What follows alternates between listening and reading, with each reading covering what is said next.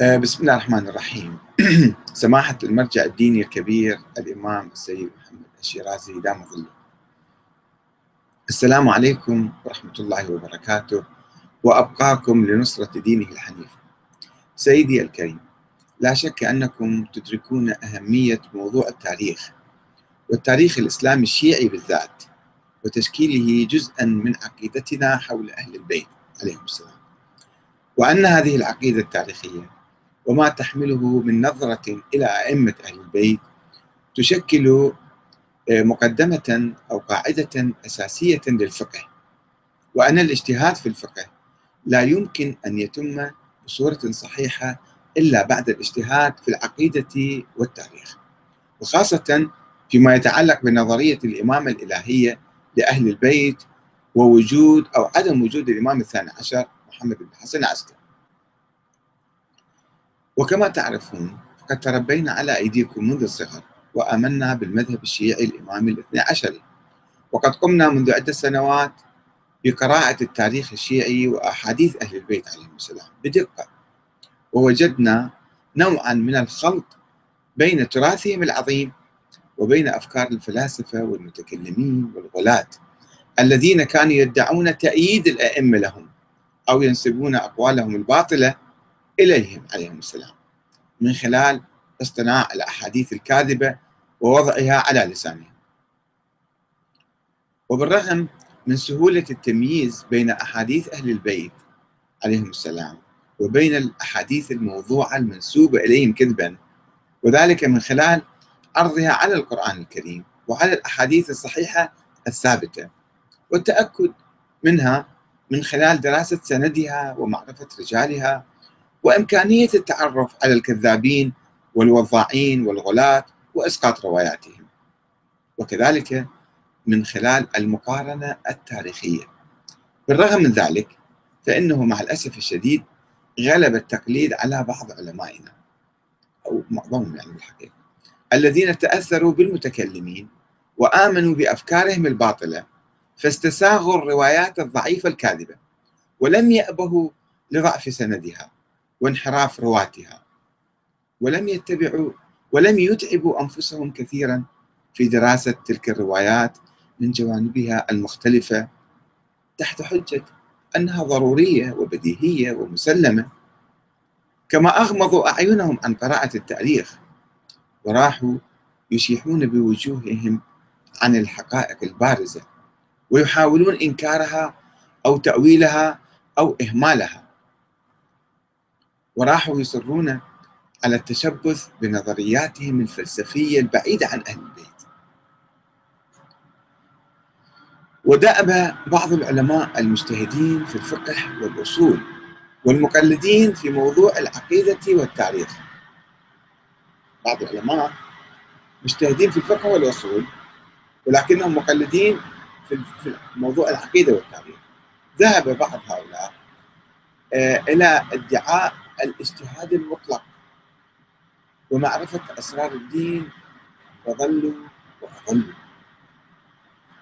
وكانت ثقتي بكم ولا تزال كبيرة في أن تولوا التاريخ الشيعي العقائدي أهمية كبرى في مسيرتكم الاجتهادية. وتقوموا بدراسة الروايات وتصفيتها من الثقيلة والضعيفة والموضوعة. ثم تقارنوا بين الأحداث التاريخية وتفسروها تفسيرا علميا صحيحا بلا تأويل تعسفي ولا إنكار أولي. وأعتقد أن المشكلة طبعا هذه رسالة موجهة لجميع المراجع وليس إلى السيد الشرازي وأعتقد أن المشكلة الكبرى التي تحول دون التوصل إلى اجتهاد سليم واستنتاجات دقيقة هو التشبث بالنظرية التقليدية الموروثة منذ تكون الفرقة الاثنى عشرية في القرن الرابع الهجري. والتصديق بالأحاديث التي وضعت ذلك الحين على لسان الرسول الأعظم والأئمة من أهل البيت في أن الأئمة اثنى عشر. وهم فلان وفلان وفلان. كما ورد مثلا في كتاب سليم بن قيس الهلالي الموضوع. هذا كتاب موضوع في القرن الرابع. مختلف. الذي ظهر في ذلك العصر ولو قمنا اولا بدراسة أحاديث الاثنى عشرية اللي تتحدث عن الأئمة الاثنى عشر أحاديث الاثنى عشرية وتحققنا منها واحدا واحدا وهي تبلغ حوالي مئة رواية. ذكرها الخزاز في كتابه كفاية الأثر في النص على الأئمة الاثنى عشر في آه، نهاية القرن الرابع الهجري.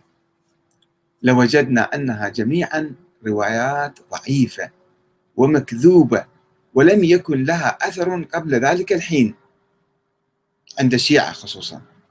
ولأدركنا عدم صحة ذكر النبي للأئمة القادمين من بعده بأسمائهم وصفاتهم واحدا بعد الآخر. إذا درسنا التاريخ اكتشفنا كذب هذه الروايات.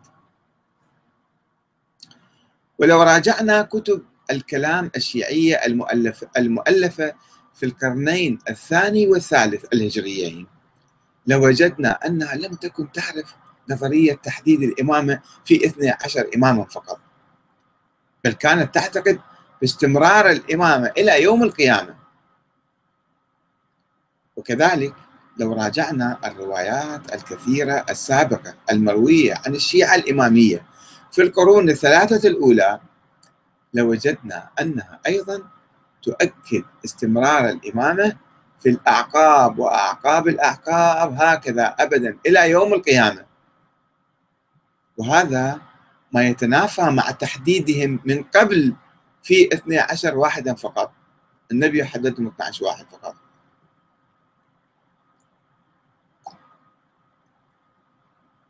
وإن ما يؤكد هذه الحقيقة حقيقة عدم تحديد أسماء الأئمة من قبل. وتكوين النظرية الاثنى عشرية في القرن الرابع الهجري. ما يؤكد هذه الحقيقة هو عدم معرفة الأئمة بالضبط بأسماء آه، خلفائهم. كما حدث مع الإمام الصادق عليه السلام الذي أوصى في البداية إلى ابنه إسماعيل ثم أحجم عن الوصية بالإمامة إلى أي أحد من أولاده وترك الأمر غامضا آه، ولحين الوفاة بعد ما بعد ما مات إسماعيل يعني. مما أدى إلى تفرق الشيعة الإمامية شيعة جعفر الصادق.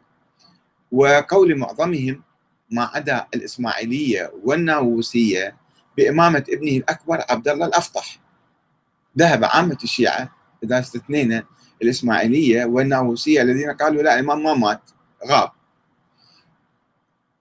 فذهبوا إلى ابنه الأكبر عبد الله الأفطح وربما لو كان يكتب لعبد الله الحياة عفوا. وربما لو كان يكتب لعبد الله الحياة الطويلة من بعد الصادق أو كان له أولاد لسارت النظرية الإمامية في أعقابه وأعقاب أعقابه إلى يوم القيامة. بعيدا عن موسى بن جعفر كما سارت في إسماعيل وأبنائه.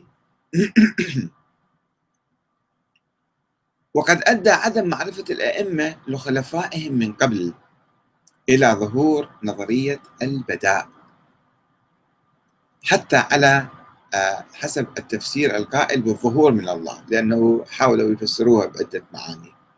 نظرية البداء هي أنه الإمام يقول شيء ثم لا يحدث يقول بدا لله في ذلك.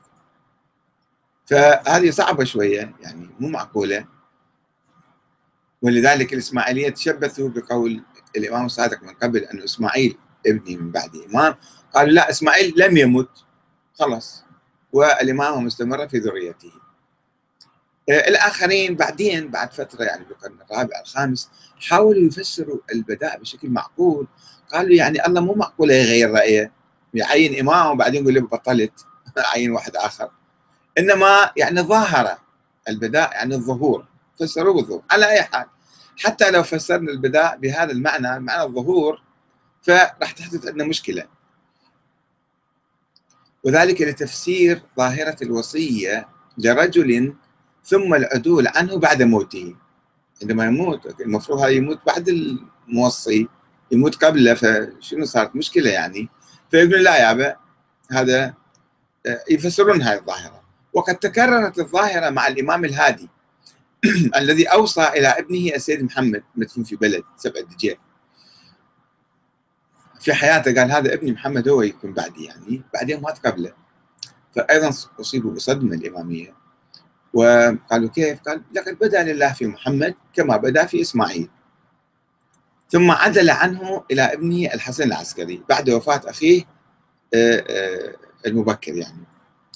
ولو كان ثمة قائمة مسبقة بأسماء الأئمة معروفة من قبل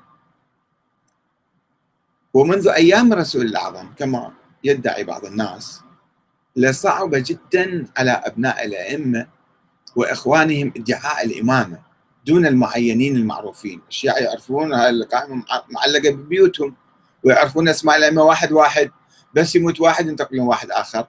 فليش يجون آخرين يدعون إمام ويفرقون الشيعة؟ تفرق الشيعة بعد وفاة كل إمام يعني ما كانت القائمة موجودة. هكذا نفهم يعني. ولا بعد جدا. اختلاف الشيعة يمينا وشمالا ووقوعهم في حيرة أحيانا وغموض. ولما كان هناك أي داع للسؤال من أي إمام عن الخليفة من بعده اقرأ كتاب الكافي. شوفوا الشيعة شلون كانوا يسألون الأئمة. من الإمام بعدك؟ والإمام ما يجاوب. أو يجاوب بشكل غامض أو علامات ليش؟ لأنه ما في قائمة معلقة ببيوتهم. ولما كان هناك أي داع للسؤال من أي إمام عن الخليفة من بعده والإلحاح عليه بشدة في طلب الجواب. ورفض الأئمة الجواب عادة إلا بالعلامات والإشارات والمواصفات كقولهم مثلا إنها في الأكبر. ولم ولما مات تلامذة عظام للأئمة كزرار بن أعين وهم لا يعلمون من هو إمام الزمان. زرار بن أعين يعتبر من أكبر تلاميذ الإمام الصادق ويؤمن بالنظرية الإمامية. والإمام أوصى إلى إسماعيل وإسماعيل مات وبعدين ما يعرف من الإمام بعد الصادق. عنده أولاد عديدين فوضع الكتاب على صدره وسمع وفاة الإمام الصادق وهو يحتضر على فراش الموت. فوضع القرآن على صدره وقال اللهم اشهد إني أثبت إمامك من يثبته هذا المصحف. أنا ما أعرف الإمام من هو. أعظم تلامذة الإمام الصادق ما يعرف منه الإمام بعد الصادق. يعني ما موجودة قائمة مسبقة بأسماء الأئمة الاثني عشر.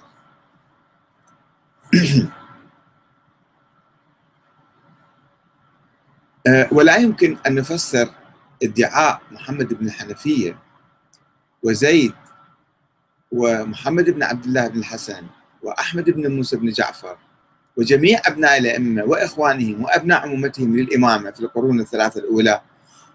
عادة يفسرون بالعناد هذا كانوا معاندين يعرفون الحق ويعاندون. ما يمكن تفسير الظاهرة هذه بالعناد واتباع الهوى والشهوات. ويصيرون يختلقون لهم شعار ضدهم. هذا كان يشرب الخمر وهذا كان كذا وهذا كان فاسق. ما يصير الشكل يعني. لازم نقرأ التاريخ بصورة محايدة. ومخالفة أوامر الرسول الله والرسول وإهمال القائمة المحددة من قبل بأسماء الأئمة الاثني عشر. وهم هؤلاء الأئمة اللي دعوا الإمامة غير الاثني عشر. كانوا على درجة كبيرة من التقوى والورع والصلاح والجهاد في سبيل الله كالإمام زيد مثلا والأئمة الآخرين. وأخيرا فإن عدم ظهور الإمام الثاني عشر وعدم وجود أدلة كافية وقوية وصحيحة عليه ينسف حكاية الاثنى عشرية هذا هو كيف نقول أئمة 12 والثاني عشر ما موجود؟ فصاروا 11 فإذا هاي نسف القائمة الاثنى عشرية ويعيدنا إلى الوراء للتساؤل فيما إذا كانت نظرية الإمامة الإلهية هي حقا نظرية الأئمة من أهل البيت عليهم السلام. فعلا الأئمة كانوا يتبنون نظرية الإمامة. أو لا. أم هي من صنع الفلاسفة والغلاة والمتكلمين؟ هل نعرف؟ لما نفكر شوية وندرس وننظر لكل الحقائق مجتمعة راح تكون عندنا صورة أخرى في الموضوع. ومن المعروف أن نظرية الإمامة الإلهية تركز على فلسفة العصمة وضرورة اشتراطها في الإمام. أي آه، آه، أي الحاكم والرئيس والمنفذ للشريعة الإسلامية. الإمام يعني الحاكم الرئيس يعني. وذلك بناء على القول في الإطلاق لولاة الأمر في الخير والشر والحق والباطل حسب ما يقول المتكلمون. يعني أنه الإمام خلص لازم نطيعه في كل شيء وإلا صلاحيات في كل شيء في الحق والباطل والخير والشر. وخاصة آه هذا هشام بن الحكم الذي ابتدأ آه القول بالأسماء. ما كان أحد قبل عشان يعرف موضوع الأسماء. وأخذها من الأمويين. الأمويين كانوا يقولون نحن معصومون ويجب أن تطيعوننا في كل شيء. فهذا كان مو معقولة يجب أن يكون معين من قبل الله. وهذا ما يسميه المتكلمون بالدليل العقلي. أنه حول الأسماء حول الإمامة. دليل عقلي. وهو في الحقيقة ليس دليلا عقليا بحتا وليس دليلا فطريا. الآن اسألوا أي ناس أي إنسان في العالم هل الحاكم يجب أن يكون معصوم؟ يقول لا نحن نختار. أو يكون إنسان طيب خوش إنسان مثلا كذا فنقبل به. أه ورفض وإنما يقوم على هذا الكلام الأسماء وكذا يقوم على تأويل نص معين تأويل. والقول بالإطلاق ورفض النسبية في الطاعة الواردة في الآية الكريمة. الآية الكريمة ماذا تقول؟ يا أيها الذين آمنوا أطيعوا الله وأطيعوا الرسول وأولي الأمر منكم. طيب قالوا إحنا نطيعهم مثل ما نطيع الله والرسول بصورة مطلقة نطيع الأمر بصورة مطلقة. إطلاق مو نسبية. يعني الله طبعا نطيعه طاعة مطلقة الرسول نطيعه طاعة مطلقة ولكن الإمام لا نطيعه طاعة مطلقة. إذا أمر بالحق والعدل نطيعه وكان إنسانا صالحا نطيعه أما إذا انحرف أو طغى أو فسد أو أي شيء كان أو أمر بباطل بمعصية فلا نطيع الإمام. وأولي الأمر منكم. إذا فسرناها بالأئمة والحكام. آه، طبعا هم ما يقرؤون بقية الآية. فإن تنازعتم في شيء فردوه إلى الله والرسول. يعني أنه ممكن الأمة تتنازع مع الإمام وتشكك بأحكامه. أو ولي الأمر مثلا. وترجع إلى الله والرسول هاي الآية يقطعوها بالنص والأمويين كذلك كانوا يفعلون وهشام الحكم تبعهم في ذلك فأخذ نظرية الإطلاق في الآية. هي مو مطلق الآية آية صريحة. عندما تقرأ الآية كاملة تشوف الآية تقول لك وإن تنازعتم في شيء فردوه إلى الله والرسول مع أولي الأمر يعني. آه المهم فإذا لازم الإمام يكون معصوم حتى لا يأمر بمعصية هكذا كان يقول هشام بن الحكم. وعلى أي حال فقد قال المتكلمون الذين آمنوا باشتراط الأسمة في الإمام في الرئيس يعني الحاكم. بضرورة تعيينه من قبل الله بعد أن قالوا بعجز الأمة عن اكتشاف الإمام المعصوم. قال أول شيء إمام يجب أن يكون معصوم وقعوا في ورطة. طيب كيف نعرف المعصوم؟ بالشورى ما يمكن نعرفه بالانتخاب ما يمكن نعرفه فإذا الله يجب أن يعين هذا الإمام. فقالوا بالنص. بعد أن قالوا بالأسماء قالوا بالنص. أن الأئمة يعينون بالنص من الله. وعدم إمكانية الشورى لأن تكون طريقا شرعيا لانتخاب الإمام. وضرورة بعدين قالوا بالنص وقالوا النص موجود في هذه السلالة العلوية الحسينية. وحصر الإمامة في أهل البيت وانتقالها بالوراثة في ذرية علي والحسين إلى يوم القيامة. فهي عندما صنعت هذه النظرية في القرن الثاني الهجري كانت نظرية للحكم والرئاسة ممتدة إلى يوم القيامة. ما كانت محددة بعدد محدد لا 12 واحد ولا 12 ألف ولا 12 مليون. وقد أول المتكلمون واختلقوا روايات تفيد النصب من الرسول للإمام علي بن أبي طالب. حديث الغدير قالوا هذا يفيد النص يفيد النصب والتعيين. ثم حصروا الإمامة في أولاد الحسين دون أولاد الحسن بلا أي دليل مقنع. لماذا؟ علم عند الله. ثم وقعوا في مشكلة التعرف على الإمام بعد الإمام. طيب قلنا الإمام محصورة في أولاد الحسين. كيف نعرف؟ الأئمة واحد بعد آخر ما نعرف. صعب. مشكلة يعني. فاخترعوا نظرية المعجزة. قالوا ها ما عندنا نص فعندنا معاجز تثبت إمامة الأئمة. كل إمام يجب أن يأتي بمعجزة حتى هو النبي محمد ما جاء بمعاجز حتى يثبت نبوته للكفار لكفار قريش. هؤلاء قالوا ما عندهم طريق آخر حتى يبنوا هاي النظرية ويألفوها فقالوا ها إذن آه، كل إمام يجب أن يأتي بمعجزة حتى نعرف أن هذا هو الإمام المعين من قبل الله من أولاد الأئمة المتعددين. كل واحد يدعي الإمامة فالذي يأتي بمعجزة يصبح الإمام. كطريق لإثبات إمامة هذا أو ذاك. وادعى الغلاة نزول الوحي والملائكة على الأئمة والتحدث معهم. وقالوا بنظرية الجفر والنكت والنكر وعمود النور والإلهام وما إلى ذلك. وبالرغم من تناقض طبعا ما في أحد أحد الأئمة جاب معاجز هذه كلها نظريات كلام حكي يعني فارغ. وادعاءات باطلة. أي إمام ما جاب معجزة. بس هم يدعون المعاجز للأئمة حتى يثبتون الإمامة لهذا أو لذاك. كما في حديث آه، زين العابدين مع محمد بن حنفية أنه ذهبوا ذهبا واحتكما إلى الحجر الأسود فنطق الحجر الأسود بلسان عربي فصيح وسلم على زين العابدين. معجزة. ولكن من يثبتها هاي المعجزة؟ بأي دليل؟ من قال؟ من رأى؟ من شاهد؟ كله حكي فارغ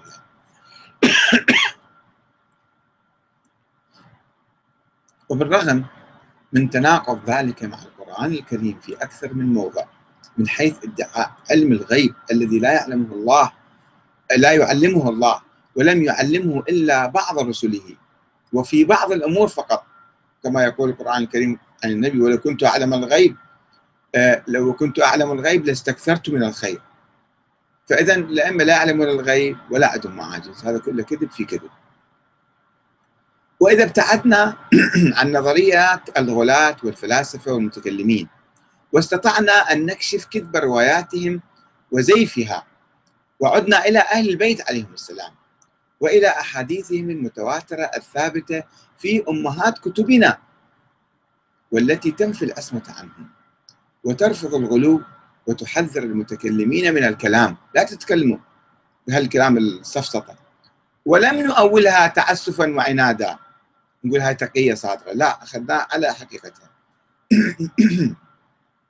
لوجدنا أنهم أقرب أهل البيت يعني أقرب إلى نظرية الشورى القرآنية العقلائية. وأنهم كانوا يؤكدون على ضرورة انتخاب الإمام من قبل الأمة ويلعنون من يقوم باغتصاب الأمة أمرها ويتولونها من غير مشورة كما في حديث عن الإمام الرضا. عن آبائه عن رسول الله.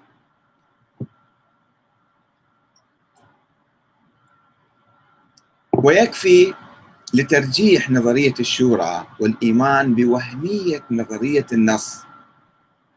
نظرية الإمام القائم على النص والأسماء. هاي نظرية وهمية ما قال بها أهل البيت. يكفي لترجيح هذه النظرية النظرية آه، مرور أكثر من ألف عام من تاريخ الأمة الإسلامية مع عدم وجود إمام ظاهر معين من قبل الله حد يشك في ذلك. وعدم وجود حل آخر سوى نظرية الشورى اللي الآن إحنا أخذنا فيها وكان يجب نأخذ بها قبل 1400 سنة قبل 1000 سنة على الأقل. أه وعدم وجود حل آخر سوى نظرية الشورى أو الديمقراطية الآن تطورت يعني عمليا. وربما ستمضي مئات أو آلاف أو ملايين السنين إلى يوم القيامة مع عدم ظهور مصداق واحد من مصادق نظرية النص.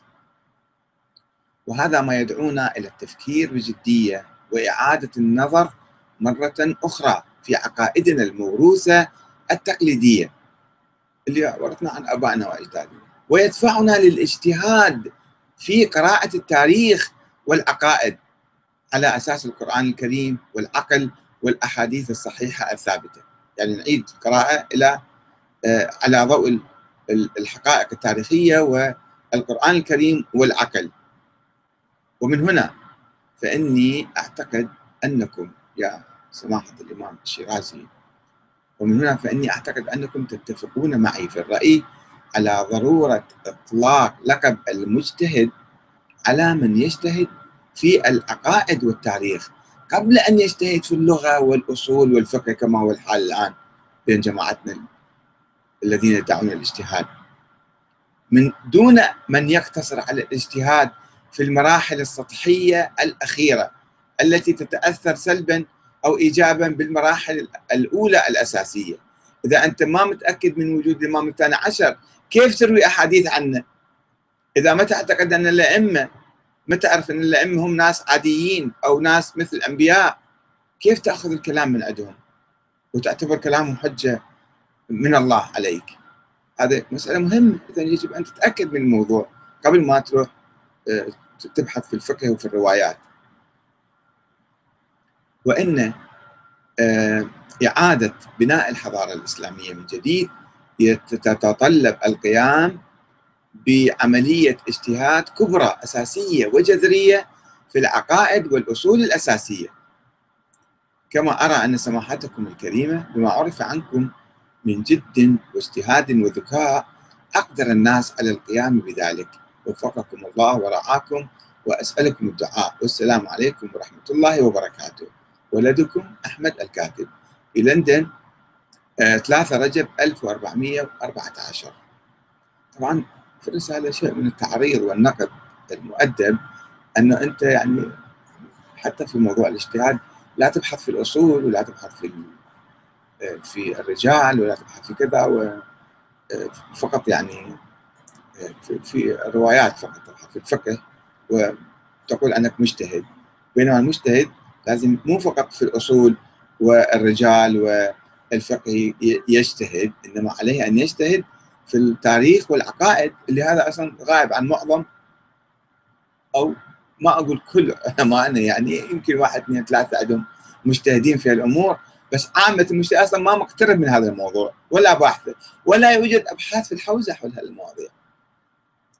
ولا توجد حرية لبحث هذه الأمور وطرحها وإعادة النظر فيها. فهذه رسالة من قلبي يعني من الصميم بعد ما وصلت إلى نتائج معينة دعوته وهو له حق علي حق الأستاذية والتربية والتوجيه صغري يعني. أنه حاول وأنت رجل ذكي وعالم فعلا ذكي سيد الشرادي رحمة الله عليه. وطبعا هو كان يعني اللي جرأني على كتابة هذه الرسالة له هو كان يعني شهادة لله تعالى من خلال حياتي وعلاقاتي معه أنه كان متواضع. كان متواضع وكان يسمع ومهما كان الكلام جارح وصعب وهو علمنا على هذا الشيء حقيقة.